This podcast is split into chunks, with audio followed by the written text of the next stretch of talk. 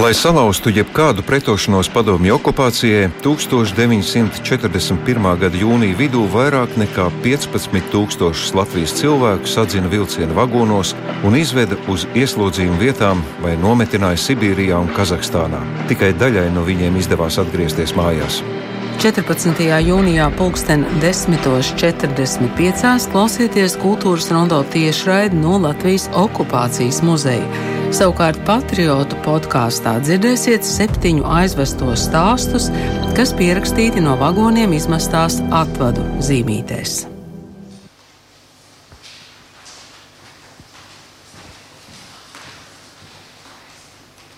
Esiet sveicināti Latvijas Rādio 1. Turpinām no okupācijas muzeja. Un, un šodien mēs atceramies un godinām ikvienu 1941. gada deportācijās cietušo. Pēc 15 minūtēm 11. sāksies deportācijas gada dienas atcere, aizvestie, neaizmirstie 80 gadi kopš 14. jūnija deportācijām. Latvijas rādio pašlaik ir Latvijas okupācijas muzejā vietā, kura ne tikai glabā dažādus priekšmetus un liecības par traģiskiem vēstures notikumiem, bet muzejs arī aktīvi iesaistās šo dokumentu vākšanā un pētniecībā. Un arī šīs stundas laikā jums būs iespēja uzzināt eh, par um, dokumentiem, kas pavisam nesen ir nonākuši okupācijas muzeja rīcībā. Un pēc 11. mēs simboliski arī atvērsim grāmatu, mēs tiksimies mūžībā. Ja mēs klausīsimies arī fragmentus no video liecībām, kuras ierakstījusi muzeja pētniece Lelde Neimane. Un 10.55. Radio Viļņos skanēs valsts prezidenta Egīla Levita uzruna pieminot pirms 80 gadiem deportācijās cietušos. Jā, bet līdz tam pie mikrofona esam aicinājuši uh, okupācijas muzeja direktoru padomnieku vēstures doktoru Gintu Apalu. Labdien! Paldies, labdien! Uh, Kādi tad bija tie notikumi? 14. jūnijas bija sākums izvešanai, kas m, vairākas dienas norisinājās Varēsiet tagad atgādināt īsi, kā risinājās šie notikumi sākot no 14. jūnija. 14. jūnijas būtu vērtējams kā e, padomju okupācijas pirmā gada un komunistu terora kulminācijas brīdis. Šajā dienā un pāris turpmākajās dienās tika deportēti aptuveni 16,000 cilvēku. Un mums būtu ļoti svarīgi ņemt vērā, ka no tiem tikai 10,000 cilvēku nonāca nometinājumā uz vismaz 20 gadiem bet vismaz 6000 nonāca ieslodzījumā, soda nometnēs, un no šiem 6000 vismaz 700 tika arī tiesāti un sodīti ar nāvi. Tā kā lūk, šī pieredzes gama ir ļoti plaša. Un tā ir tikpat plaša kā visā baigajā gadā, visā padomju okupācijas pirmajā periodā, kad kopumā cieši individuāli vismaz 26,000 cilvēku. Atgādināšu vēlreiz, tie ir aresti, tie ir nāves sodi. Tas ir ieslodzījums cietumos un sodu nometnēs. Tas ir arī nometinājums attālās vietās. Un no visiem cilvēkiem, kurš šajā laikā tiek deportēti, faktiski iet bojā 40%. Viņi iet bojā nevienu nāves sodēļ, bet arī no bada, slimībām un smaga darba. Šīs deportācijas tas ir um, plāns, tā ir daļa no plāna. Jā, protams, tā ir daļa no Latvijas un Baltijas valstu sovietizācijas plāna, tāpēc, tas nozīmē iebaidīt sabiedrību, attiecīgi likvidēt un izolēt potenciālos pretiniekus, kā arī viņu ģimenes locekļi. locekļus. 14. jūnija deportācijas šoks un sekas sabiedrībā ir tieši tas, ka līdz tam visu veidu represijas bija individuālas. Tās vērsās pret pieaugušiem cilvēkiem, kur bija vai nu potenciāli pretošanās darbinieki, vai arī uh, ideoloģiski ienaidnieki. Kamēr šajā dienā notika vēršanās pret ģimenes locekļiem. Vienkārši par to, ka cilvēki ir piedzimuši tādi, kādi ir piedzimuši. Jūs minējat diezgan precīzus skaitļus dažās pozīcijās. Vai varat teikt, ka ir pilnīgi skaidrs, viss, kas notika tajā laikā, ir zināmi gan vārdi, kuri tika deportēti, ir zināmi vārdi, kas to darīja, cik liela skaidrība ir visā šajā situācijā? Mm, par baigā gada notikumiem mums tomēr nav pilnas skaidrības, jau sākot no skaitļiem. Es minēju to minimālo skaitli - 26,000 individuālu upuru. Citur minēta pat 35,000. Par to mums nav skaidrība. Pašlaik jau ir sastādīti upuru saraksti. Mēs zinām par lielākajai daļai šo cilvēku vārdus, bet mēs nezinām daudz ko citu. mēs nezinām perpetrātoru vārdus. Proti, to, ka represijas un teroru īstenoja nevienu no PSRS atsūtīti cilvēki, bet šajā procesā, diemžēl, piedalījās arī daudz tūkstoši, varbūt aptuveni desmit tūkstoši vietējo Latvijas pilsoņu. Katru deportāciju operatīvo grupu pavadīja divi līdz četri vietējie komunistu partijas un padomi aktīva locekļi. Tātad vietējie cilvēki, kur piedalījās, palīdzēja deportēt, kuri aprakstīja mantu un palīdzēja to konfiscēt. Līdz ar to pašu jautājums, ka tas ir tikai svešinieka noziegums, varbūt nav tāds. Un droši vien atceroties 90. gadu solījumu no Latvijas prokuratūras, varbūt kādreiz jāatgriežas pie jautājuma arī par perpetrātoru sarakstu. Vai mūsdienās e, ir iespējams vēl to sarakstu aktivizēt? Jā, protams. Ir, ja? Šeit nav jautājums tikai par to, vai cilvēkus var tiesāt un vai viņi saņem sodu. Atgādināšu to, ka pēc 41. gada genocīda Latvijā ir notiesāti un pavadījuši īsu laiku ieslodzījumā divi cilvēki - konkrēti Noviks un Farptuks. Bet, kā jau minēju, varbūt šādu veidu vārdu ir vismaz desmit tūkstoši. Un varbūt vismaz šie vārdi būtu jāapklāj ar zināmu vēsturisku kaunu par šo nodarījumu. Tie bija partijas eh, cilvēki, partijas biedri, čekas darbinieki, šoferi. Kas tie bija par cilvēkiem? Tās bija visu veidu cilvēku kategorijas. Tātad tie bija čekas darbinieki, tie bija milicijas darbinieki, tie bija arī vienkārši partijas un komunitnes aktīvisti, kurus izsauca palīdzīgā un kuriem nācās šajā procesā piedalīties, varbūt arī kaut kādā mērā pret savu gribu. Bet tomēr cilvēks, kurš neatteicās no šāda uzdevuma pildīšanas, arī savā ziņā ir līdzvainīgs. Vai ir kādas ziņas par cilvēkiem, kur arī atteicās to darīt? Mm, nē, tādu ziņu mums nav, bet ir vēl viens moments, ko es labprāt minētu. Tāpat vēl varētu būt trešais saraksts. Līdzīgi kā ir piemēram Izrēlā tituls taisnīgais ar tautām. Tie ir cilvēki, kuri slēpa tos, kas izvairījās no deportācijas. Un tādu gadījumu arī zinām, arī šo cilvēku sarakstu mums diemžēl nav. Tas nozīmē, ka vēsturniekiem darba joprojām ir daudz, un kā, nu, šie ir neseni vēstures notikumi, jo ļoti daudz joprojām ir gan liecinieku, gan liecinieku pēcteči. Kā, Protams. kā norisinās darbs šobrīd vēsturnieku aprindās, cik intensīvi un kas ir varbūt tie bremzējušie apstākļi, kāpēc nevar to visu izpētīt? Mm, vēsturnieku aprindas ir tomēr lielā mērā orientētas uz arhīvu pētniecību, vismaz Latvijā. Uz to, ka ir jāatrod dokuments, konkrēta arhīvu liecība un arhīvu dokuments ir galējā patiesība. Varbūt tādas starptautiskas, jau plašākas vēstures metodas cenšas integrēt visu veidu informāciju. Tās ir dažādi veidi cilvēku atmiņas, ko arī dara okupācijas muzejs kas tiks šodien vēl rādīts un stāstīts.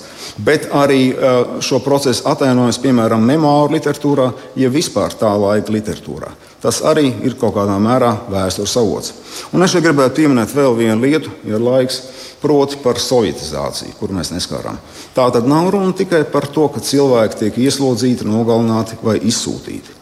Bet lielākā daļa Latvijas tautas cieš no maigākām represiju formām. Proti, no tā, ka tiek e, atcelts privātais īpašums, tiek konfiscēti visi rūpniecības un tirdzniecības uzņēmumi, tiek konfiscēti visi nami. Lielāk par 220 metriem pilsētā vai 170 metriem lauka apriņķos, un piedāvājumā tiek nacionalizēta visa zeme. Zemnieku saimniecība lietošanā, bet ne īpašumā tiek atstāta tikai 30 hektāri, ne vairāk. Pārējo zemi jaunā vara konfiscē un sadala bezzemniekiem.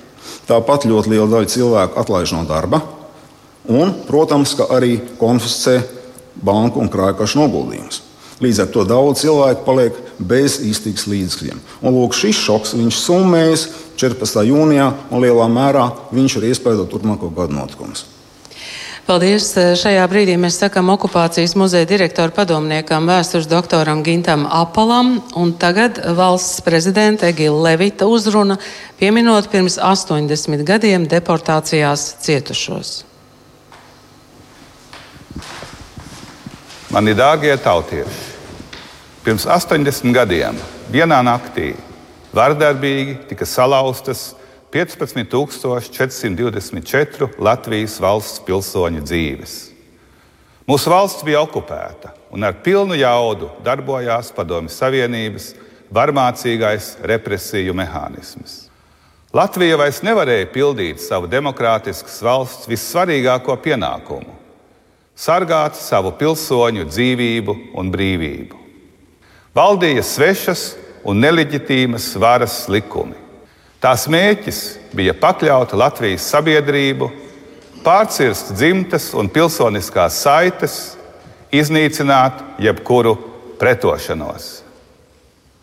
Vairāk nekā 15,000 cilvēku, valsts vīri un juristi, garīdznieki un virsnieki, ierēģi un uzņēmēji, skolotāji, zemnieki, strādnieki, mākslinieki kopā ar ģimenēm tika sodīti un sodīti par to, ka bija kalpojuši savai valstī un dzīvojuši savu normālo ikdienas dzīvi. Padomju Savienības pastrādātā nozieguma mērogu pret mūsu tautu un valsti raksturo deportēto cilvēku skaits. Bet skanot katra izsūtītā cilvēka, katra bērna vārdam, mēs varam izprast 1941. gada traģēdijas dziļumu. Šodien visā Latvijā izskanēs 15,424 izsūtīto cilvēku vārdi. Ikvienam cilvēkam pieder viņa vārds. Vārds iemieso mūsu katra vienvērtību un neatkārtojamību. Vārds nozīmē vienu dzīvību, vienu mūžu. Kā tālāk būtu dzīvojis cilvēks no mana pagasta vai pretējās mājas, ja nebūtu aizrauts svešumā? Ko viņš savas dzīves laikā būtu paguvis izdarīt? Kāds izaugtu deportāciju vagonā nomirušais bērns, kāds veidotos viņa mātes mūžs? Dārgie tautieši pilsētās un pagastos! Ne 1941. gada, ne 1949. gada vēl masveidīgākās deportācijas nesalauza latviešu tautu. Bruņotā pretestība ar ieročiem rokās sākās tūlīt pēc okupācijas un turpinājās līdz pat 50. gadu beigām. Nevārdarbīgā pretestība turpinājās visus okupācijas gadus. Stāstus par deportācijām vecvecāki nodeva mazbērniem. Neatkarīgā Latvija pastāvēja cilvēku sirdīs un prātos, deva spēku cīnīties par savas valsts atjaunošanu. Mēs šodien nesam sevī gan savu priekšteču traģēdiju, gan viņu spēku. Tāpēc šodien mēs veidojam tādu Latviju, kura vajadzības gadījumā ir gatava aizsargāt sevi un savus pilsoņus, savus cilvēkus. Mēs iestājamies par starptautiskā mērogā tiesiski pārvaldītu pasauli. Tādu pasauli, kurā cilvēka cieņa, brīvība, drošība un dzīvība ir visaugstākās vērtības. Šodien, lasot 1941. gadā izsūtīto cilvēku vārdus, uz laiku laikiem iekļausim viņus tautas kopējā atmiņu laukā. Saules mūža Latvijai! Mēs dzirdējām valsts prezidenta Egila Levita uzrunu, pieminot pirms 80 gadiem deportācijās cietušos. Bet eh, šobrīd pie mūsu mikrofona ir Latvijas okupācijas muzeja direktors Salvita Vība. Labdien! Labdien! Un jums rokā ir unikāla liecība, kas ir nonākusi pavisam nesen muzeja rīcībā. Jā, man rokā tiešām ir unikāla liecība, kura ir sākusi savu mūžu 80 gadus atpakaļ vilciena vagonā. 16-gadīgais Tālevalds Rozensteins 14. jūnijā ierakstīja pirmo ierakstu. Septiņos pie mums atnāca kratīšana, mūs ieliek mašīnā un ved uz ērgļiem. Iekrauti tiekam lopu vagonā. Uzsākas ceļš. Un tālāk, cik ilgi viņš raksta? Šī dienas grāmata ir gadu līdz 31. decembrim. Vispirms tā ceļš, protams, arī Latvijas-Krievijas robežas šķērsošana pirmās dienas ceļā, ceļš ilgs līdz 2. jūlijam. Un, protams, ir arī ļoti zīmīgi ieraksti. 18. novembris pavisam īsi. Vēlam visiem laimes, mīnus 42. 23.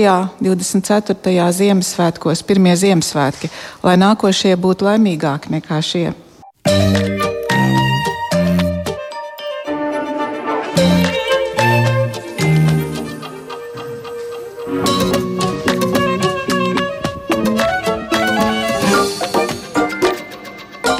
Kultūras rondo.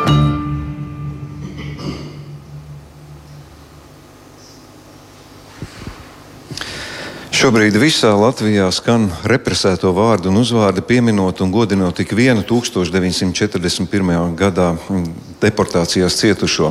Bet Latvijas radio pat labāk atrodamies joprojām okupācijas muzejā, kas glabā lielāko liecību krājumu par izsūtītājiem. Krājums ir veidots jau no 1993. gada. Un pie Latvijas radio mikrofona ir muzeja audio-vizuālo materiālu krātuves vadītāja Evita Feldentāle. Labdien! Un muzeja vadošā speciāliste Lelde Neimane. Labdien! Labdien. Nu, tas uh, cipars, 2000 liecību liels krājums, kā tas ir veidojies? Droši vien, ka tas nav tā tik vienkārši. Mēs saliekam kopā 2000 liecības, tur bija arī ļoti daudz emociju. Uh, tad es varbūt iesākšu to, ka 90, 1993. gadā līdz ar muzeja veidošanos uh, par šīm uh, izgājušām ciešanām, par deportācijām, par okupācijas laiku kā tādu varēja beidzot sākt brīvāk runāt un ikvienai faktam, tam ciparam, ko mēs šodien arī pieminam, 15,443 deportētie cilvēki, ir ar katru piemiņas uh, zīmi, ar uh, piemiņas priekšmetu vai video liecību ir uh, seja. Un līdz ar to, ka mēs iegūstam šim stāstījumam seju, tas veidojās krājumā. Un, un katrs pēc nepieciešamības vai sapratnes var arī tālāk to, to krājumu uzklausīt, pētīt dažādās zinātnēs. Un, tas ir veidojies caur Eh, lielu smagu darbu ar uzklausīšanu, ar asarām, ar priekiem un smiešanos, tie ir izdzīvotāji stāsti, tie spēki stāsti, kas ir mūsu muzejā nonākuši. Jo, mm, viņi, viņi nevarētu izdzīvot Sibīrijas uh, plašumos un, un piedzīvot to, ja viņiem nebūtu humora devis, vai, vai ticība, vai cerība, vai mīlestība, ko mēs arī lieli vārdi, bet tas ir caur maziem mirklīšiem. Fiziski tas ir vienkārši jūs aicināt uh, liecības sniegt cilvēkus. Viņi nāk paši pieteikties, kā tas notiek. Video liecības sniedzēja līdz mums, kā muzejam, nonāk dažādos veidos. Ja pašā sākumā Darbs noritēja intensīvāk, notika ekspedīcijas uz uh, dažādām Latvijas vietām, kur jau iepriekš tika apzināti cilvēki, kas ir gatavi sniegt šīs video liecības. Tad tagad šis process ir palicis mazliet lēnāks, tomēr mums ir vēl daudz cilvēku, kur būtu jānointervē. Un tad, jā, cilvēki nāk arī paši uz muzeju, ir cilvēki, kas nes nodot dažādus priekšmetus, un pie reizes arī tiek sniegta šī video liecība. Vai jūs nesaskaraties ar problēmu, ka cilvēki negrib sniegt šīs liecības? Uh, ir arī cilvēki, kas atsakās sniegt šīs video liecības. Es domāju, ka sākotnēji tās bija bailes, ka kaut kas tāds var atkārtoties, tad tagad šādi atteikumi ir retāk, es teiktu. Mums šobrīd ir iespēja paklausīties kādu liecību, mm, ko teicis Vitālijs Labīnskis, tāpēc paklausīsimies ierakstu. Tajā vagonā, kur man ievietoja, bija taisni uz Vietkas nometnēm. Visstingrākā apsardzība, pie žoga nedrīkst tuvāk iet, nošaus, sargi turnīšos ir Un mūsu jautājumi, vai ko, kāpēc mēs esam šeit, bija Krievu nerazgavārivat fašisti un cauri. 42. un 43. gadā, kura ir atrados, bija varbūt 1200 vai 1500 cilvēku. Katru, katru mira vairāk naktīs, nezinu kāpēc, bet naktīs cilvēki mirst vairāk. Uh, no 5 līdz 10 cilvēku pa diennakti pagalam. Divi nedēļas es arī pats dabūju bedres rakti mirušajiem. Kad tu esi jau tā novārdzis, sasūšā zemē, jārok bedri ir. Un pasaka, tur 4 metri vai 5 metri gara un 2 metri plata bedra jārok ir. Un bedra lai kā tev nav instrumenti, nekāda pneumatiskā skulbja nav. Tev ir kāds aplaustiem kātiem vai cirvija vai tie lumiki vai kas vai lāpstes, sit kā gribi.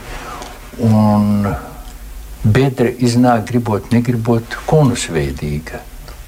Uz apakšu jau zeme dziļi sasulusi, kā konusā iznāk. Nu, virs iesākt, bet nu nevar izkalt. Un tie, kas aizved līdzi, tie atkal lamājas, ka tie lati šī tādi gara augumi ir, ka pirmajai līķu rindai kājas vajag pārcirst virs stilba un atlocīt pie galvas, lai viņi īsāki būtu nolikt bedrē. Otrajai zem ceļa kājas un tikai trešo kārtu var likt visā augumā bedrēs. No tā viņi šodien tur guļ. Viss tas vienā nepārtrauktā kā muģeklī, ka tu vienmēr tavas dzīvības brīdī, kad esi, katrs tev mirklīts ir, ka tava dzīvība ir apdraudēta vai darbā, vai, vai barakā, vai kur. Tad uh, ietvert visu. Es nezinu, cik biežam romānam jābūt, lai to tiešām izteiktu vārdos, kā tas bija. Mēs dzirdējām vienu no liecībām, un es to raksturotu kā pat ne traģisku, bet kā briesmīgu. Vai jūs kaut kā grupējat? Jūs minējāt, ka ir arī cilvēki, kas ar humoru to visu atminās. Kāda veida šīs liecības ir un kā jūs tās varbūt kategorizējat? Ir ļoti grūti e, grupēt, e, jo katra liecība, katrs stāsts ir unikāls. Mēs vairāk e, iedalām, pieņemsim, 1949. gada deportācijas, 1941. gada deportācijas. Ir vairāki, kas ir cietuši abās deportācijās, ir tie, kas ir atgriezušies pēc 1946. gada un vēlreiz deportēti. 49. gadā. Mēs vairāk tādu chronoloģiski vai vēsturiski iedalām, bet no stāstījumiem šī, šis fragments bija unikāls, jo tas ir viens no retajiem, kas ir izdzīvojis Jatlaga nometni. Un viņš varēja liecināt par tiem, par tiem mirušajiem, kuriem nav šīs balsis. Es esmu gandarīti savā ziņā, ka mēs paspējām 90. gadu beigās, 2000. gadu sākumā vēl arī pieaugušos cilvēkus, kas ir 1941. gada 14. jūnijā bija pieauguši cilvēki, nointervēt. Jo šobrīd mēs dzirdam tikai bērnu balsis. Tās arī ir būtiskas, tās ir svarīgas un traumatiskas, bet arī katrai paudzei un katram skatījumam ir, ir vērtība un nozīme, un pieaugušu cilvēku skatījumam arī ir bieži vien tādas nianses, ko bērns varbūt nepamanītu. Kā jums šķiet, vai bija vajadzīga cilvēkiem tāda distance pēc tā šoka, kā apelkungs teica, pēc tām bailēm, ka kaut kas var atkārtoties, ka bija vajadzīga distance, lai spētu par to pastāstīt, nu, vairāk vai mazāk tomēr neitrālā tonī? Jebkurā gadījumā tā distance pirmkārt jau bija ar laika nobīda tīri. E, praktiski tādēļ, ka okupācija beidzās tikai 91. E, gadā, un 88. un 89. gadā sāka tikai plašāk runāt cilvēki. Un bieži vien tas aizgūtnēm nāca ārā, tas viss sāpes, aizvainojums, traumatisms. Tādēļ ir īpaši būtisks mūsu tās pirmās liecības, kas ir uzņemtas tieši 90. gados, 2000. sākumā Bet eh, es varu teikt, to, ka šī sāpe eh, tik viegli nedzīst, jo vēl joprojām vēl šodien ir cilvēki, ar kuriem mēs sākam runāt. Un it kā jau viņš ir bērniem, mazbērniem to stāstījis, bet mēs nejauši uzduramies uz vēl kādu niansi, kas atkal viņam paplēš to rētu no jauna. Tā kā tas, tas to nevar mērot, sāpes nevar mērot. Un jums pašām uh, tas arī bija sāpīgi? Nu, ir tā, ka jebkuru darbu labu darbot, darot, ir tā, ka tu esi pilnībā tajā mirklī, tajā darbā, ko tu dari. Un, ja tu patiesi uzklausi to cilvēku, tad tu esi pilnībā šajā stāstā. Un ir bijušas, protams, negulētas naktis vai pārdzīvojumi naktis. Bet tas laikam ir arī kā ārstam, viņam ir, vai psihologam. Viņam ir vienkārši ar laiku, ar gadiem jāmēģina kaut kādā veidā sadzīvot, lai sevi pasargātu, lai nepārdzīvotu pārāk līdzi. Jums droši vien kā psiholoģiem, kā jūs pati minējāt, arī varbūt ir kāda schēma, kā jūs intervējat šos cilvēkus. Nu, droši vien, ka cilvēks nevar uzreiz aptvert, kas viņam jāizstāsta. Jums ir kāda nu, saka, metodika izstrādāta, kā dabūt no cilvēka ārā to, ko jūs gribat dzirdēt? Nu, tad, kad krātuve tika izveidota pašā sākumā, nebija tādas metodikas, tā izstrādājās laika gaitā. Tad, kad es sāku strādāt muzejā, salīdzinoši pavisam nesen, pirms pieciem gadiem, tad jau es strādāju ar gatavu metodiku un attiecīgi uh, pamata schēma, ja tā var teikt, ir iet cauri cilvēka dzīvē chronoloģiski. Bet ir arī atsevišķi cilvēki, kas vēlas uzreiz sākt runāt par pašu galveno notikumu, un tad mēs nosacīti chronoloģiski lēkājam pa tēmām. Bet tas tiešām ir atkarīgs no katra cilvēka individuāli, jo mēs pielāgojamies viņam, nevis viņam jāpielāgojas mums, jo mēs esam tie, kas vēlas šo stāstu saglabāt. Attiecīgi mums nevajadzētu viņu ietekmēt, definējot, kā viņam un ko vajadzētu runāt. Nu, šis jūsu muzeja darbība vispār kā tāda ir ārkārtīgi emocionāla. Kolēģi teica, ka negulētas naktis vai kaut kādā mērā jūs pašas sev dodat atskaiti par to, kā jūs psiholoģiski visas šīs liecības varat izturēt, un vai tas ir arī kā uzdevums nodot muzeja apmeklētājiem un vispār vēstures interesantiem tieši tās emocijas. Tas ir sarežģīts uzdevums šajā tik smago emociju jūrā dzīvot? Ir tā, ka, kā es varbūt sākumā minēju, jau, es viņus saucu par spēku stāstiem. Un, uh, no vienas puses, jā, tas ir traumatiski, tas ir sāpīgi, bet tajā pašā laikā izējot cauri un paskatoties no malas uz šo traumu un to, ka cilvēks tam var iziet cauri ar, nu, ar to gaišumu, ar kaut kādu tādu ticību, ar, ar labestību, ar viens otram palīdzēšanu, tas dod to spēku un tas dod arī spēku šodien. Tādēļ tas stāsts un tās video liecības viņas nenoveco, jo tie ir cilvēku stāsti, cilvēku raksturi, un tas nodara mums šodien. Un tādā ziņā ziņā es domāju, ka tas ir arī svarīgi un svētīgi eh, šodienā. Tieši. Cilvēkiem interesē. Ir cilvēki, kas nāk un pēta, un ir cilvēki, eh, pieņemsim, arī man jaunieši ir tā, atnākuši un labi viņiem piespiedu skolā noklausīties. Viņi pateica, Bet, zini, man viņa neraud visu laiku tādā stāstījumā. Es saku, bet tā jau arī ir, kad noklausies visu to stāstījumu. Jo ir cilvēki, kas pasakā, uh, viena māsa raud 14. jūnijā, paņemot, un otra māsa, ko tu pinkšķi redzēsi pasauli. Un tas nav viennozīmīgi. Protams, ka tā ir drausmīga trauma, bet uh, jebkurā gadījumā mums jāpieņem tā dažādība, tā rakstura dažādība. Un tas, ka mēs varam iziet tam cauri, cilvēks krīt uz kājām pieņemot uh, fleksiblākus skatītājus, uh, nu, fleksiblākus. Uh, jā. Jā, jā, droši vien, ka dažādi šo laiku atceras tie, kuri bija pieauguši cilvēki, kurus aizsūtīja, un tie, kuri bija bērni, kuri atceras atkal no, no tā, ko vecāki stāstīja ģimenes. Un, um, mēs dzirdēsim kādu fragment, kurš ir no 14. jūnija vispirms, bet pēc tam otrs fragments ir mātes nāve nometinājumā 1943. gadā. Tātad klausamies, ko stāsta Daina Ģērķe. Māmiņa man pateica, ka vedīs prom. Pirmā reakcija man bija, ka es kliedzu. Un tad viens no viņiem man teica, viņa plāča dievači, ka to es sapratu. Bet atbildēt es viņam pirmām kārtām nepratu, un otrām kārtām, ko varēju uz to atbildēt. Pieredzi pie tiem vagoniem klāt. Es ar kādiem vagoniem stāvēju restes priekšā un durvīm pāri metāla šitas stienas. Pieredzi mums to klāt, to metāla stienu atslēdz ar atslēgu, tas stienas un blīkšķi nokrīt zemē. Un tad zina tos cilvēkus iekšā. Bet, kad es ieraudzīju to lodziņu aizrastoto, un aiz tā lodziņa cilvēks sejas, vienu pie otras, ja, es atkal kliedzu, jo man tāda sajūta, bet ir cilvēki, kas stāvas, tur stāv visi. Bet, nu, tā tas nebija. Tur bija ja plaukti sataisīti divos stāvos. Un augšējā stāvā, kas bija tie guļus, gulēja uz vēdriem un skatījās pa to logu laukā. Un tie bija laimīgi, tie bija saskari ar, ar apsauli. Mēs tikām apakšējā plauktā, un mēs visu ceļu neredzējām neko, jo augšējais lokus vienmēr bija aizņemts. Tur jau nevarēja tikt, un durvis bija vienmēr aizslēgtas. Pienāca viens rīts, kas atmodus no tā, ka mamņai sākusies ir agonija. Un to es, to es sapratu. Un viņa skatījās acis vaļā, it kā saprotošas acis. Ja?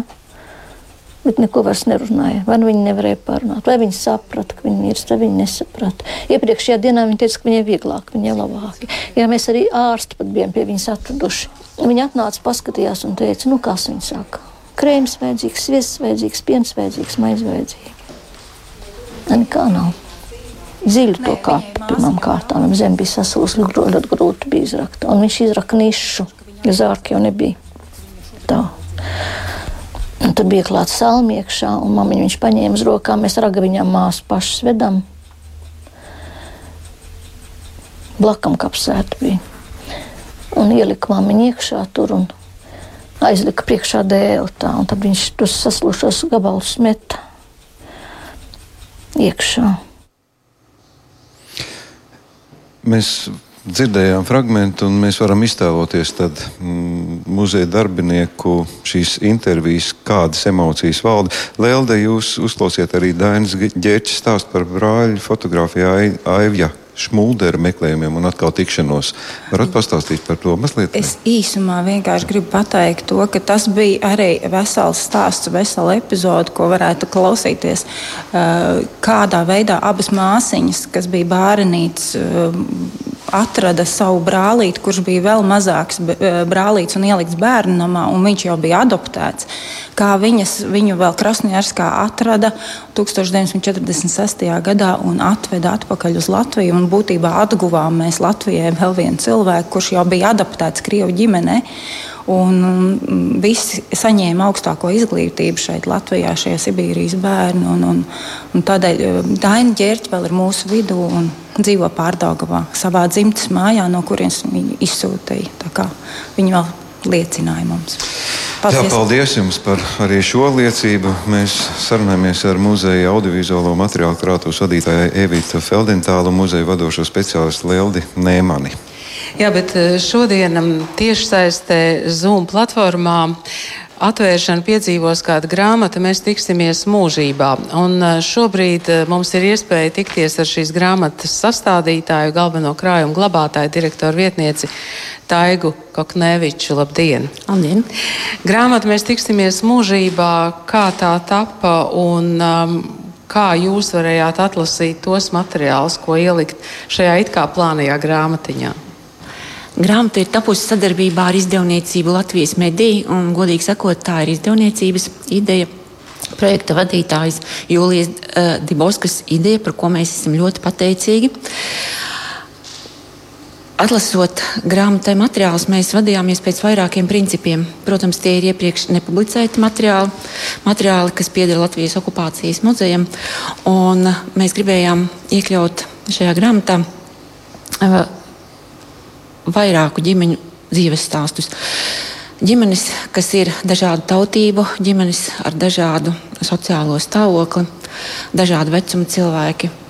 Bet liktenis lielā mērā šīm ģimenēm ir vienāds. Tāpēc, ka neviens no ģimenes galvām, no vīriem, no tēviem neizdzīvoja, neizturēja smagos ieslodzījuma apstākļus, vai arī kā desmitgadīgā Oļega tēvs tika nošauts ieslodzījumā. Viņam tika piespriests nāves sods par piedarību aizsargu organizācijai neatkarīgās Latvijas laikā.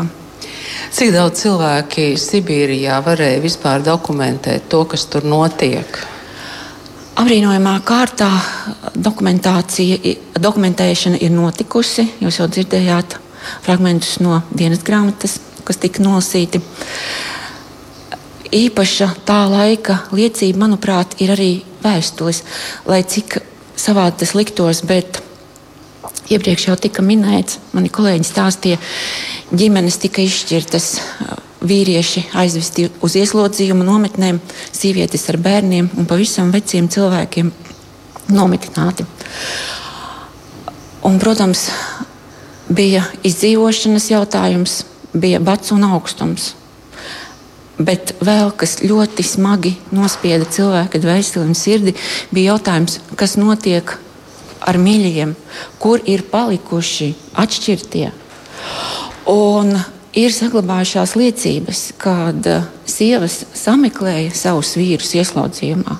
Un vīri ieslodzījumā sameklēja savas ģimenes nometnējumā, jo pietika ar vienu tādu mazu ziņu, mazu stariņu, mazu dzīpariņu, kas tika starp šīm divām vietām izvilkts. Uh, mēs grāmatā arī lasām Pētera Stakles vēstulē viņš uzskaita, ar ko kopā ieslodzījumā viņš ir. Un tas nav tāpēc, lai lasītāju, lai savu mm, sievu izklaidētu. Šīs ziņas ir vitāli svarīgas, jo ļoti iespējams, ka viņa sieva ir kopā ar šo minēto vīriešu sievām un bērniem, un ka šīs ziņas tiek nodotas tālāk un, un, un veidojas sarakste. Sarakste starp stakļu ģimenes locekļiem Uh, vēl kas līdz 1944. gadam, līdz tam laikam, kā, kamēr mm, Stakla Pēteris nomirst ieslocījumā. Es gribētu vaicāt, kā jums pašai šķiet, šīs grāmatas mērķis ir kāds? Viņa nav ne, ne, tur, ne tuvu pilnīgs vēstures konspekts, ne tur ir milzīgs skaits izsūtīto. Kas būtu tas lasītājs un ko jūs varētu teikt, kā, kam vajadzētu šo grāmatu lasīt? Gribētos, lai to lasa pēc iespējas vairāk cilvēku. Lai lasa un pārdomā, varbūt salīdzina ar savu dzīvi, salīdzina ar šodienu, ar šodienas ierobežojumiem, it kā grūti panesamajiem. Jo tas, ko ir izturējuši šie cilvēki, tūkstošiem kilometru atšķirība no ģimenes, tūkstošiem kilometru atšķirība no, no, no Latvijas, no dzimtās vides un no dzimtās valodas. Pilnīgi cits klimats, negatīva vietējo iedzīvotāju attieksme pret viņiem. Jo vajag atcerēties, ka tajā brīdī, kad deportēto vagoni bija ceļā uz austrumiem, šiem deportēto vagoniem pretī nāca pavisam citi ešaloni, ešaloni kas bija pilni ar, pado, ar sarkanās armijas soldātiem un kara tehniku. Vīrieši tajās vietās, kur nonāca deportētie latvieši, bija jau mobilizēti un iespējams, ka pat krituši frontē. Latviešus bieži vien uztvēra tik tiešām kā fašistus, kā vāciešus. Pietika ar vārdu jā, kuru izrunāju, lai cilvēku ieklasificētu tautas ienaidnieku grupā. Respektīvi, tā būtu kā tāda esence, kas nepaņem pārmērīgi daudz laika, bet kas iedod ļoti spēcīgu morālu pamatu. Tā noteikti ir esence, tāpēc ka uh, visas atmiņas, atskaitot Gunāra, Villa, video, Gunāra Villas video liecību, ir stipri, stipri īsinātas. Oļega Vījuma atmiņas ir uh, gandrīz 2000 lapas pušu garas, divi milzīgi sējumi. Es atceros pirms gadiem 15, varbūt pat vairāk, kad Oļegs bija šeit muzejā, tad viņš pirms atmiņas dāvināja Viņš tās jau bija ielicis divās milzīgās melnās mapēs. Vispirms viņš tās atmiņas godīgi no somas izcēla un nolika sev uz ceļiem. Kādu laiku vēl paturēja, un tikai tad muzeja darbiniecei tās atmiņas uzlika uz galda. Tā faktiski ir visa viņa dzīve, viņa sāpe, ko viņš uzticēja mums. Un pēc iespējas, varbūt lasot grāmatu, lasītājiem liksies kādas dīvainas izteiksmes vai, dīmai, vai dīvainas teikuma konstrukcijas. Mēs, muzeja darbinieki, centāmies pēc iespējas saglabāt to, ko sauc par autora balsi. E, tika labot, protams, gramatika un varbūt kaut kur teikuma konstrukcijas, bet mēs gribējām saglabāt to katra autora īpatnību runājot. Un mums e, šodien būs iespēja paklausīties fragment no Haralda Āronieša atmiņām. E, kā mm. viņš atnāca, vai viņa atmiņas kā atnāca pie jums? Viņa atmiņas nodeva viņa dēls Andrejs. Acīm redzot, Haralds Aronīts šīs atmiņas bija uzrakstījis, un ģimene bija parūpējusies, lai atmiņas tiktu pārrakstītas datorrakstā un iesiestas skaistos vākos. Iespējams, ka kāds no aroniešu ģimenes mūs šodien dzird. Ja, ta, ja tas ir tā, es lūgtu atsaukties un sazināties ar muzeju, jo mums sakari ar, ar aroniešu ģimeni diemžēl ir pārtraukuši. Jā, tagad klausīsimies fragment no Haralda Hāronieša atmiņām. To lasīs Toms Trēbergs, tāpēc lūdzu klausāmies ierakstu. 22. jūnijā pēc astoņām dienām mūsu ešalons sasniedz Kirovu. Šī diena mūsu ģimenei izvērsās par kārtējo traģēdiju. No vagona izveda tēvu, un to dienu es viņu redzēju pēdējo reizi. Joprojām atceros, kā viņš ar vīstokli rokā, kurā atradās deķis, soļoja pa peronu. Apmēram divas nedēļas pēc mūsu piespiedu ierašanās komendantūra sasauca jaunā kontingenta, tātad deportēto latviešu sapulci, kurā mums paziņoja, ka esam izsūtīti uz mūžīgiem laikiem, zaudējuši tiesības uz saviem īpašumiem, kā arī tiesības sūdzēties tiesā vai arī citos orgānos attiecībā uz notikušo deportāciju. Vārds deportācija, protams, netika lietots. Tā saucās speciālā pārvietošana, spēcperisiļīņie. Pie viena tika paziņots, ka sievām nav tiesību sazināties ar saviem vīriem, kuri atrodas lēģeros. Tāpat mums atņemts tiesības pārvietoties tālāk par rajona robežām. Tas nozīmē, ka esam padzīti no Latvijas, ģimenes tiek šķirtas, izglītība pārtraukta, tiesību nekādu Mūs gaida nabadzība un bats, odu un knišļu apsēstā zemē. Man tas nozīmē zaudētas cerības uz jūras skolu un jūru. 1943. gada pavasarī mēs ar māti pārvācāmies no īrētās istabas viduspurva ielā uz pavisam mazu mājeli Zemkalna jeb Podgornaja ielā. Krievi bija kāri uz pulksteņiem, bet man joprojām bikšu kabatiņā bija polburē, plāns kabats pulkstenis, kādi tolaik bija daudziem dubultu ģimnāzijas zēniem. Tādi tolaik ulmaņlaikos bija modē. Acīm redzot, Visvaldes bija pastāstījis savam kolēģim klubā Tereščenko, ka man ir šāds pulkstenis. Tereščenko bija ar mieru pret pulksteni atdot viņam piederošo mājeli pat Gornai ielā. Faktiski šī ideja piederēja mātei, kura to bija apspriedusi ar visvaldi un viņa māti. Es nepretojos, un tā mans pulkstenis aizgāja par mājeli. Neilgi pirms nāves māte man izstāstīja savu paredzējumu. Vai viņa to bija izlasījusi svētajos rakstos, vai tā bija viņas pirmsnāves vīzija, neņemos spriest. Kaut gan par kaina zīmi reliģija kaut ko pauž. Viņas vārdi bija: komunisms ies bojā, kad nāks vīrs ar zīmi pierē. Vai tiešām mātei bija vīzija par Gorbačovu un PSRS sabrukumu? Uz šo jautājumu man neatbildēs neviens. Lai gan man bija 19 gadi, apziņa, ka esmu palicis Sibīrijā viens, bija nomācoša. Atmiņas par dzimteni un skolas gadiem mani vajāja ikdienu, īpaši vakaros pirms aizmigšanas. Reizēm miegs vispār bija vienīgais mierinājums, ja aizmigt ļāva zobu sāpes. Pienāca 1953. gada marts. Tolaik jau daudziem no mums bija radioaparāti Roģina, kuri darbojās ar anodu baterijām. Viendien tika paziņots, ka tautu tēvs sastopas ar nopietnām veselības problēmām. Asins izplūdums smadzenēs tiek ārstēts ar dēlēm. Radio ik stundu ziņoja par to, ka viņu ārstē labākie akadēmiķi un profesori, ka visa tauta pārdzīvo par lielā vadoņa likteni. Sibīrijā par to nepārdzīvoja neviens, izņemot partijas funkcionārus. Viņus patiesībā uztrauc nevis Staļina, bet savs liktenis, jo pēc varas maiņas Kremlī varēja gadīties visādi. 1962. gada jūnijā bija pagājis tieši 21 gads nodzīvots svešumā.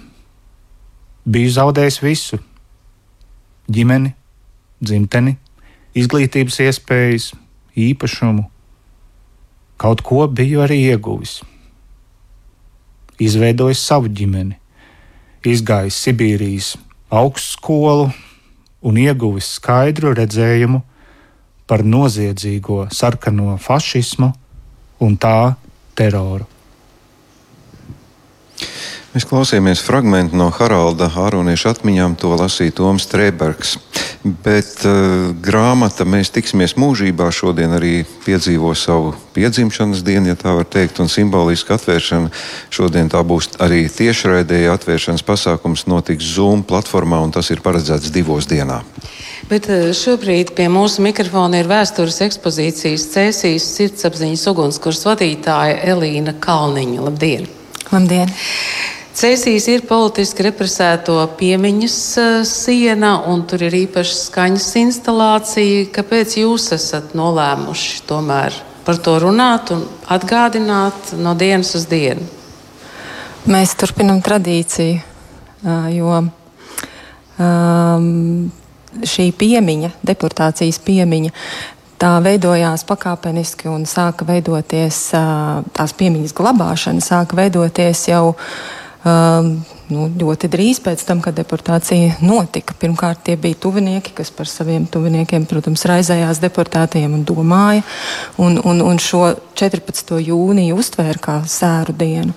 Bet, um, ir arī liecības, vēsturiskas liecības, kas arī mūsu ekspozīcijā cēsīs, ir skatāmas uh, no 1945. gada 14. jūnija, kad uh, Cēsu apriņķa teritorijā toreiz uh, kādreizējā Ērgļu pagastā darbojās, un tur arī apkārtnes pagasta bija iesaistīta, darbojās tāda organizācija, Latviešu pašaizsardzības organizācija, kur vadīja jauns vīrietis, ļoti drosmīgs un par sevi pārliecināts vīrietis Kārlis Plaudis no Pēcpiebalgas, un uh, viņš uh, izdeva nelielu avīzīti.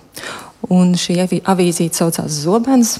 Un 45. gada jūnija sākumā šī avīzīte piedzīvoja vienu no saviem izdevumiem. Pavisam tā bija tikai seši izdevumi, bet šis priekšpēdējais bija tieši veltīts Latvijas tautas sēru dienai, 14. jūnijam un šai deportācijas piemiņai.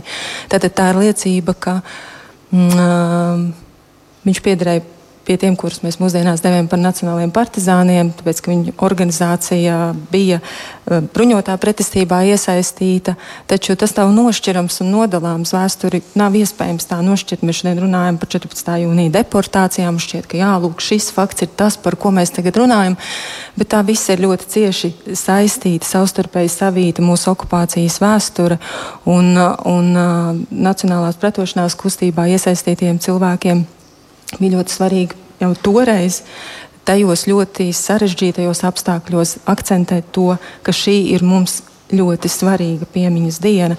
Tad, tad sāk veidoties šī piemiņa, kuru mēs glabājam līdz mūsu dienām, par ko mēs runājam šodien, un cauri padomju gadiem, cauri okupācijas gadiem, arī cauri nacistiskās okupācijas laikam dzīvo domas par šiem cilvēkiem tur tālumā, neziņa par viņiem, tā ir pieminēšana, un mēs par to domājam. Elīna, eh, Cēsis atkal izceļas. Tā man jāpiebilst, jo vecpilsēta, kur parasti turisti vai arī vietējie staigā, meklē viduslaiku pils, pilsdrupas un jaunāko muzeju. Pašā šajā pilsētas centrā jūs integrējāt šo sienu, kas varbūt atšķirās no daudzām Latvijas vietām, kur tas parasti notiek, vai pie kapiem, kādās citās vietās. Vai Jūs varat teikt, ka šī integrētā piemiņas siena pašā pilsētas sirdī tas ir piemērs arī citām pilsētām. Jūs gribētu aicināt arī citiem šos piemin, piemiņas vietas nu, ļoti redzamā, ļoti aizsniedzamā vietā veidot. Mm. Nu, tas bija vēsturiski noteikts atkal jau, kāpēc tā siena ir tur. Tas ir kādreizējais uh, cēlus policijas pagalms, un tas ir saistīts ar šīm represīvajām iestādēm, jo pretējā ielas pusē ir čekas cēlus apriņķa daļas. Uh, nu, vieta. Tas līdzīgi kā tāpēc, Rīgā. tāpēc tas tur ir. Uh, un, un, un, un, un šis nopelns par šo represēto piemiņas sienu, tas ir uh, Latvijas politiski represēto biedrības, cēsu biedrības nopelns. Viņi bija tie, kas vācot ziedojumus 2000. 15. gadā, 17. jūnijā atklāja šo piemiņas sienu, un uz šīs sienas līdzās deportēto vārdiem atkal ir Nacionālo partizānu vārdi, un uh, 2019. gadā mēs pievienojām tur vēl arī holokaustā bojā gājušo iznīcināto cēsu kopienas, cēsu ebreju kopienas locekļu vārdus. Un jā, vēl atgriežoties pie šīs skaņas instalācijas, tik tiešām šodien mēs izceļamies cēsis vienā ļoti īpašā lietā, kas man ļoti iepriecina. Lūk, šodien mēs atklāsim cēsīs 12. šādu skaņas instalāciju, kuras autors ir īru mākslinieks Maikls Maklaulins. Un 2019. gada rudenī viņš bija cēsīs. Cēsīs ir Rutskas mākslas rezidenču centrs, kur viņš kā rezidents dzīvoja vairākas nedēļas, apmeklēja ekspozīciju, apmeklēja piemiņas sienu, un viņam radās iecerē uh, iedzīvināt šo piemiņas sienu Līdzīgi kā tas notiek šodien visā Latvijā, ka tiek izrunāti šo cilvēku vārdi, tiek skaļi pateikti vārdi visiem tiem, kas uz šīs piemiņas sienas uh, ir redzami.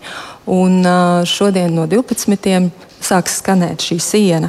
Mēs iesaistījām, palīdzējām viņam uzrunāt cēsiniekus, un tur iesaistījās dažādi cilvēki, gan skolēni, gan koristi, gan Nacionālo bruņoto spēku skolas kursanti, kas tajā laikā cēsīs mācījās, gan ekspozīcijas apmeklētāji, gan paši represētie un viņu radinieki un pēcnācēji. Jā, un, jā, tur tiešām skanēs šie vārdi katru dienu no 9 rītā līdz 7 vakarā, ieejot pagalmā un esot pie šīs sienas būs iespējams skaļi dzirdēt kādu no šiem vārdiem, kas tur rakstīts. Paldies, Elīna, par sarunu, ko šodien veltīt. Šīs sarunas dēļ droši vien nepagūsit uz 12. uz atklāšanu, bet es domāju, ka ļoti daudz cēsinieku, ja ne šodien, tad arī turpmākā laikā būs liecinieki gan šai skaņai, gan, protams, arī šai sienai. Paldies! Lielas paldies jums! Kad es saku tavu vārdu, es tevi atceros. Es domāju, ka šīs skaņas instalācijas nosaukums šodien uh, ir svarīgs uh, visā Latvijā. Un šobrīd uh, mums ir iespēja sarunāties ar Latvijas okupācijas muzeja valdes pārstāvu pētnieku Oskaru Gruziņu. Labdien! Labdien!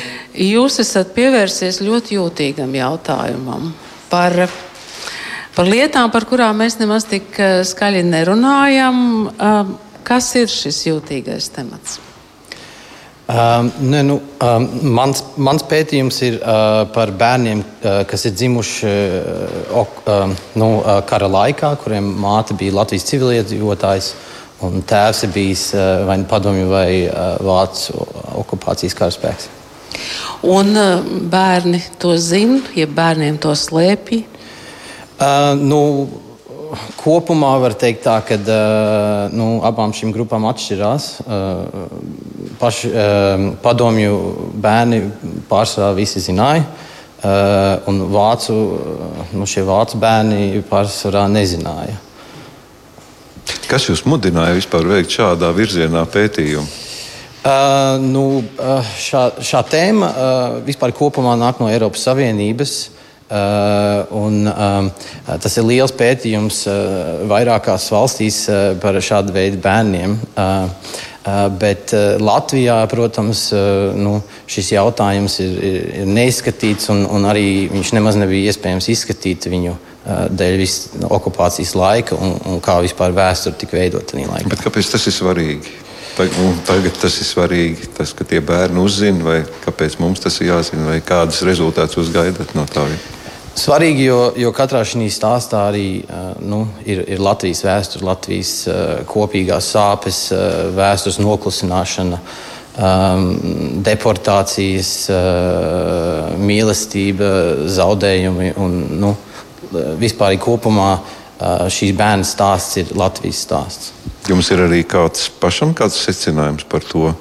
Ko jūs esat izpētījis. Kāda viena lieta teicāt, ka tie, kas ir padomju bērni, saucamie, tie to zināja, vācu bērni nezināja, vieni labi, vieni sliktie. Tas būtu tas kopīgais. Uh, nemaz tā nav. Vispārīgi no visiem, visiem dalībniekiem ir 80%, nu, es tā rupji sakot, 80% viņiem ģimenē ir cietuši represijas. Tas ieskaitot deportācijas un, un, un arī nu, nāves sodi un, un tā tālāk. Un, un tieši tas pats 80%, varbūt pat lielāk, man liekas, bija procents padomju bērniem šīs represijas. Vai tā būs grāmata? Mēs vēl neesam tik tālu. Ceļā esat. ceļā. esat ceļā. Paldies jums. Jā, šis stāstījums liecina, cik daudz dažādas šķautnes ir, ko var pētīt pētnieki, ko pēta vēsturnieki. Un tāpēc uh, tas ir uh, interesanti arī, ka mēs uzzinām tādas lietas, kas, mm, atklāti sakot, mums pašiem pat prātā neienāca. Mēs sarunājamies ar Latvijas okupācijas muzeja valdes pārstāvu pētnieku Oskaru Grūziņu.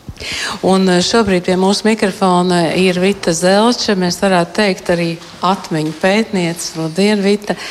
Te jau tas Eiropas vārds tika pieminēts eh, vairākos kontekstos, ehm, vai atmiņu kultūra tā ir daļa no Eiropas kultūras? Uh, nu, bet, protams, lielā mērā es arī turpinātu Oskaru iesākto uh, tēmu par, uh, par Eiropu un Eiropas skatījumu uz vēsturi un kāpēc mēs vispār skatāmies uz šādām represētām, apspiestām, iznīcinātām, pazemotām cilvēku grupām.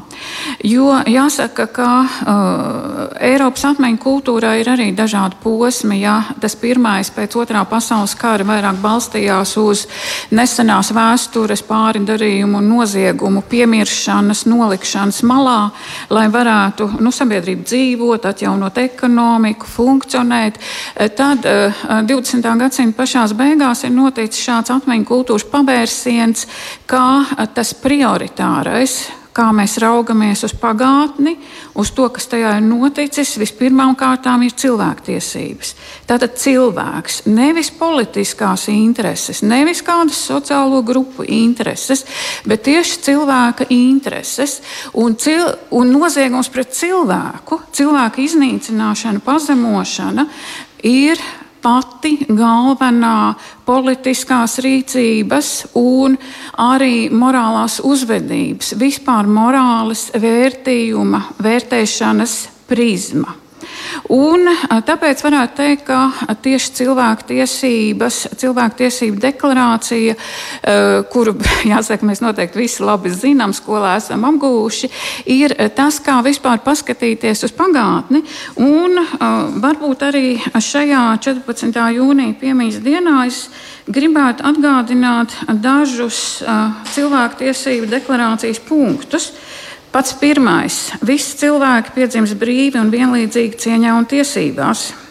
Trešais punkts - katram cilvēkam ir tiesības uz dzīvību, brīvību un personības neskaramību. Un arī ceturtais punkts - nevienu nedrīkst turēt verdzībā vai piespiedu kalpībā. Un Un devītais punkts - nevienu nedrīkst patvaļīgi arestēt, aizturēt un izraidīt. Piektais punkts - nevienu nedrīkst pakļaut spīdzināšanai vai nežēlīgai, necilvēcīgai vai pazemojošai attieksmei vai sodiem. Principā mēs arī redzam, ka 14. jūnija, tāpat arī 25. mārta notikumi ir milzīgs cilvēku tiesību pārkāpums un līdz ar to noziegums pret cilvēku, kas ir noticis Latvijas eh, teritorijā. Un arī Eiropa pakāpeniski līdz uh, cilvēktiesību prizmā jau nonāca uh, vērtējot holokausta notikumus un arī darot uh, holokausta uh, piemēru atmiņas kultūru kā centrālo. Jo holokausta upuri, tāpat kā daudzi, faktiski visi komunistiskā režīma upuri, ir nu, tā saucamie vienkārši pasīvie upuri, ar kuriem šis milzīgais totalitāro režīmu spēks, vardarbības mašīna varēja izrīkoties, nerēķinoties ne ar kādiem ne juridiskiem, ne morāliem principiem. Varētu teikt, kāpēc tas ir vajadzīgs, ja mēs paskatāmies uz citiem cilvēktiesību pārkāpumiem, kas notiek kaut vai mūsu kaimiņu valstīs, Krievijā, ir tīpaši šobrīd Baltkrievijā.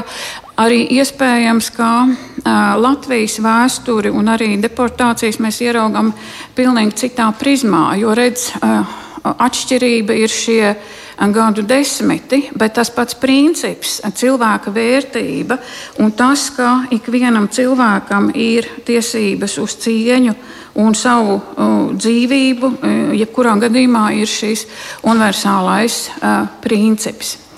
Eh, protams, ka eh, Latvijas tāpatās kā citu austrumu Eiropas valstu tāda jēga vai nozīme ir eh, tā, ka mēs arī gribam, lai mūsu pāridarījums un mūsu vēsture tiktu integrēta kopējā Eiropas atmiņas un vēstures mantojumā.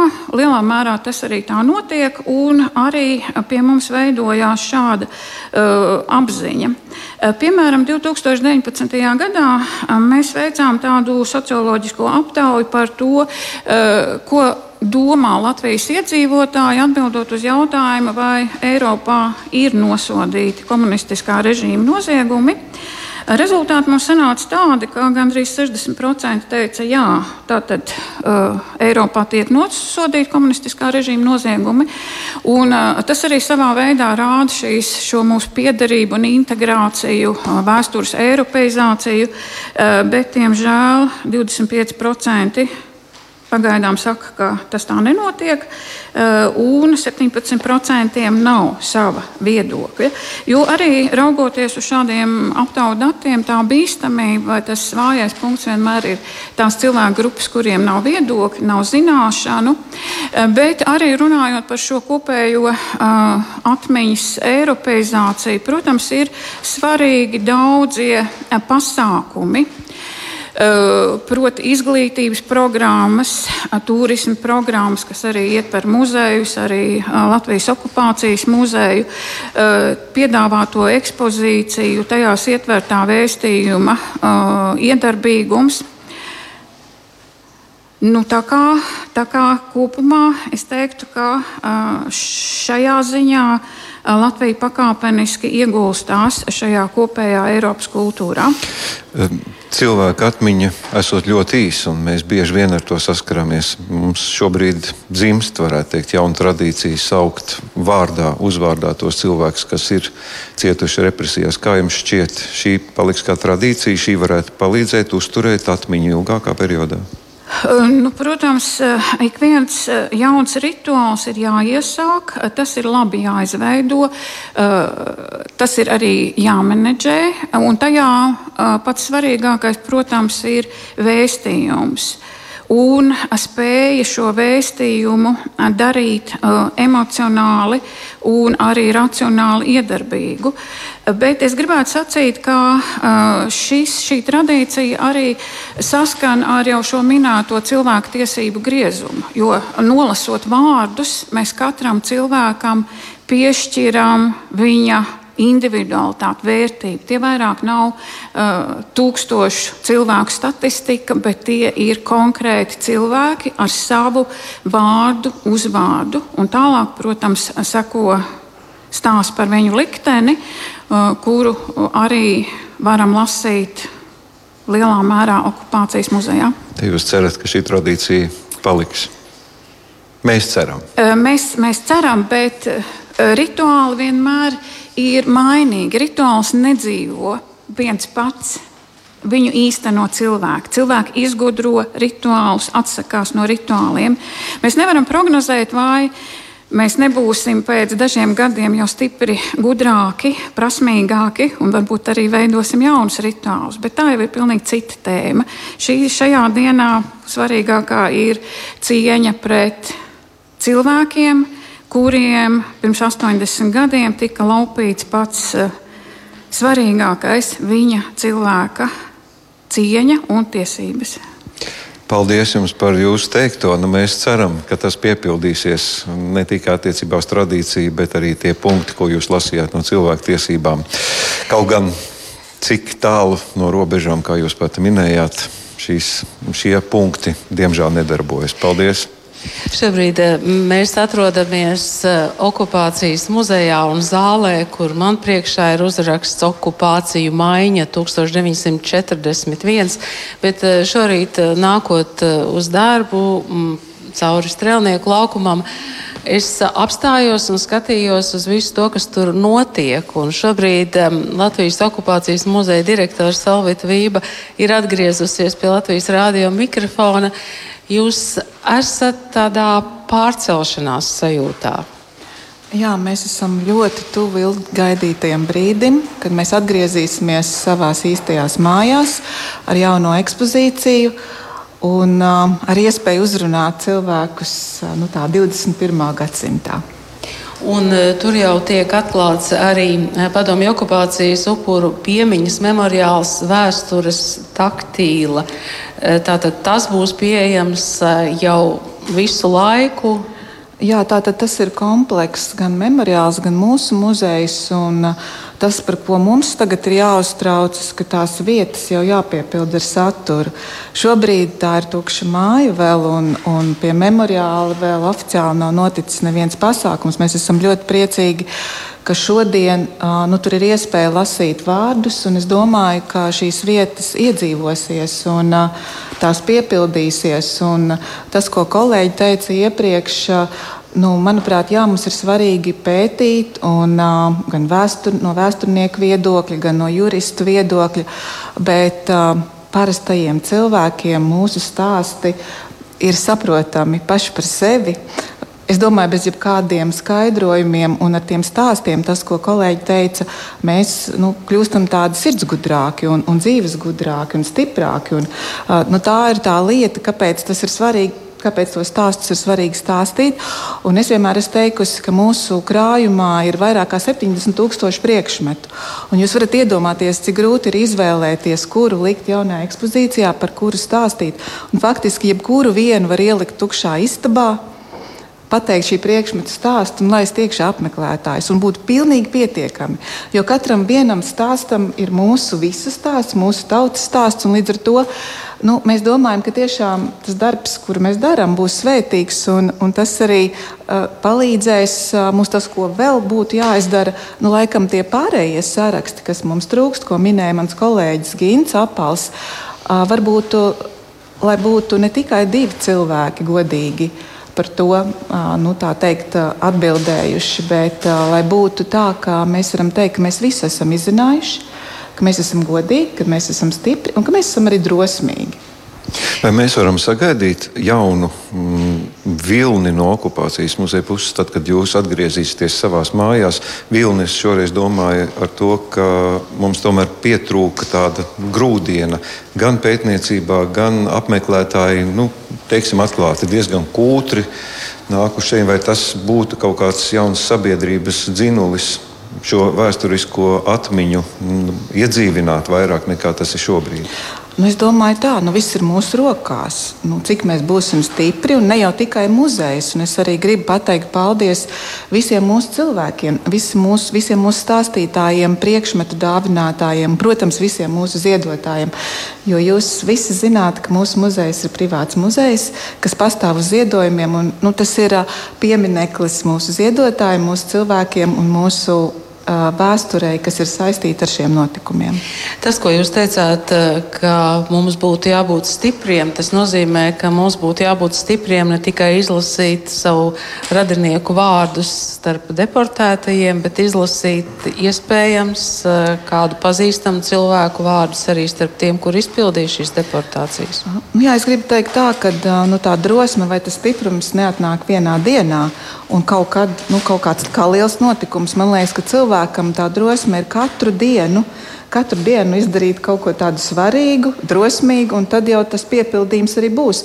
Bet, um, nu, es esmu cerīga, un es domāju, ka redzot to, kā mēs esam gājuši šiem notikumiem, kā kā mums šīs piemiņas dienas ir attīstījušās, un cik daudz šobrīd darām, un cik daudz cilvēku iesaistamies. Es esmu ļoti optimistiska, ka mēs noteikti, noteikti sasniegsim to, par ko mēs šodien runājam. Paldies jums!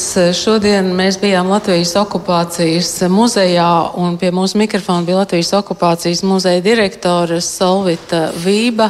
Nu, dažas lietas, ko mēs vēl gribam piebilst, atkārtot, citiem vārdiem sakot, jau šodien Latvijas radio nereiz vien izskanēja informācija par to, ka ir gatava un pieejama digitālā karte. Šobrīd to varam apskatīt portālā LSMLV. Un šajā kartē varam atrast eh, izsūtīto deportēto vārdus, uzvārdus no pagastiem, no apriņķiem, kas 1941. gada 14. jūnijā tika uh, deportēti. Es pieņemu, ka ļoti daudzi ar interesi arī pievērsīsies, un esam saņēmuši ziņas arī, ka brīžiem iekavējās šīs kartes ielāde. E, būsim pacietīgi, jo šī karte nākotnē arī būs skatāma digitālajā vietnē deportētie.kartes.lv, kā arī Latvijas Nacionālās bibliotekas mājaslapā. Jā, un pievērsiet uzmanību arī Latvijas Nacionālā arhīva virtuālajai izstādēji 1941. gada 14. jūnijas Latvijas apriņķos, bet Latvijas rādio turpinās runāt gan par atmiņu kultūru, gan par um, dokumentiem, un raidījumā krustpunktā šodien viesosies vēsturnieks Toms Čikuts. Jā, bet šobrīd mēs atvadāmies. Mm, šo stundu ar mums kopā bija producents Anta Lauga, sarunājās Ingvilds Trautman un Zikfrīds Muktu Pāvels. Tiksimies!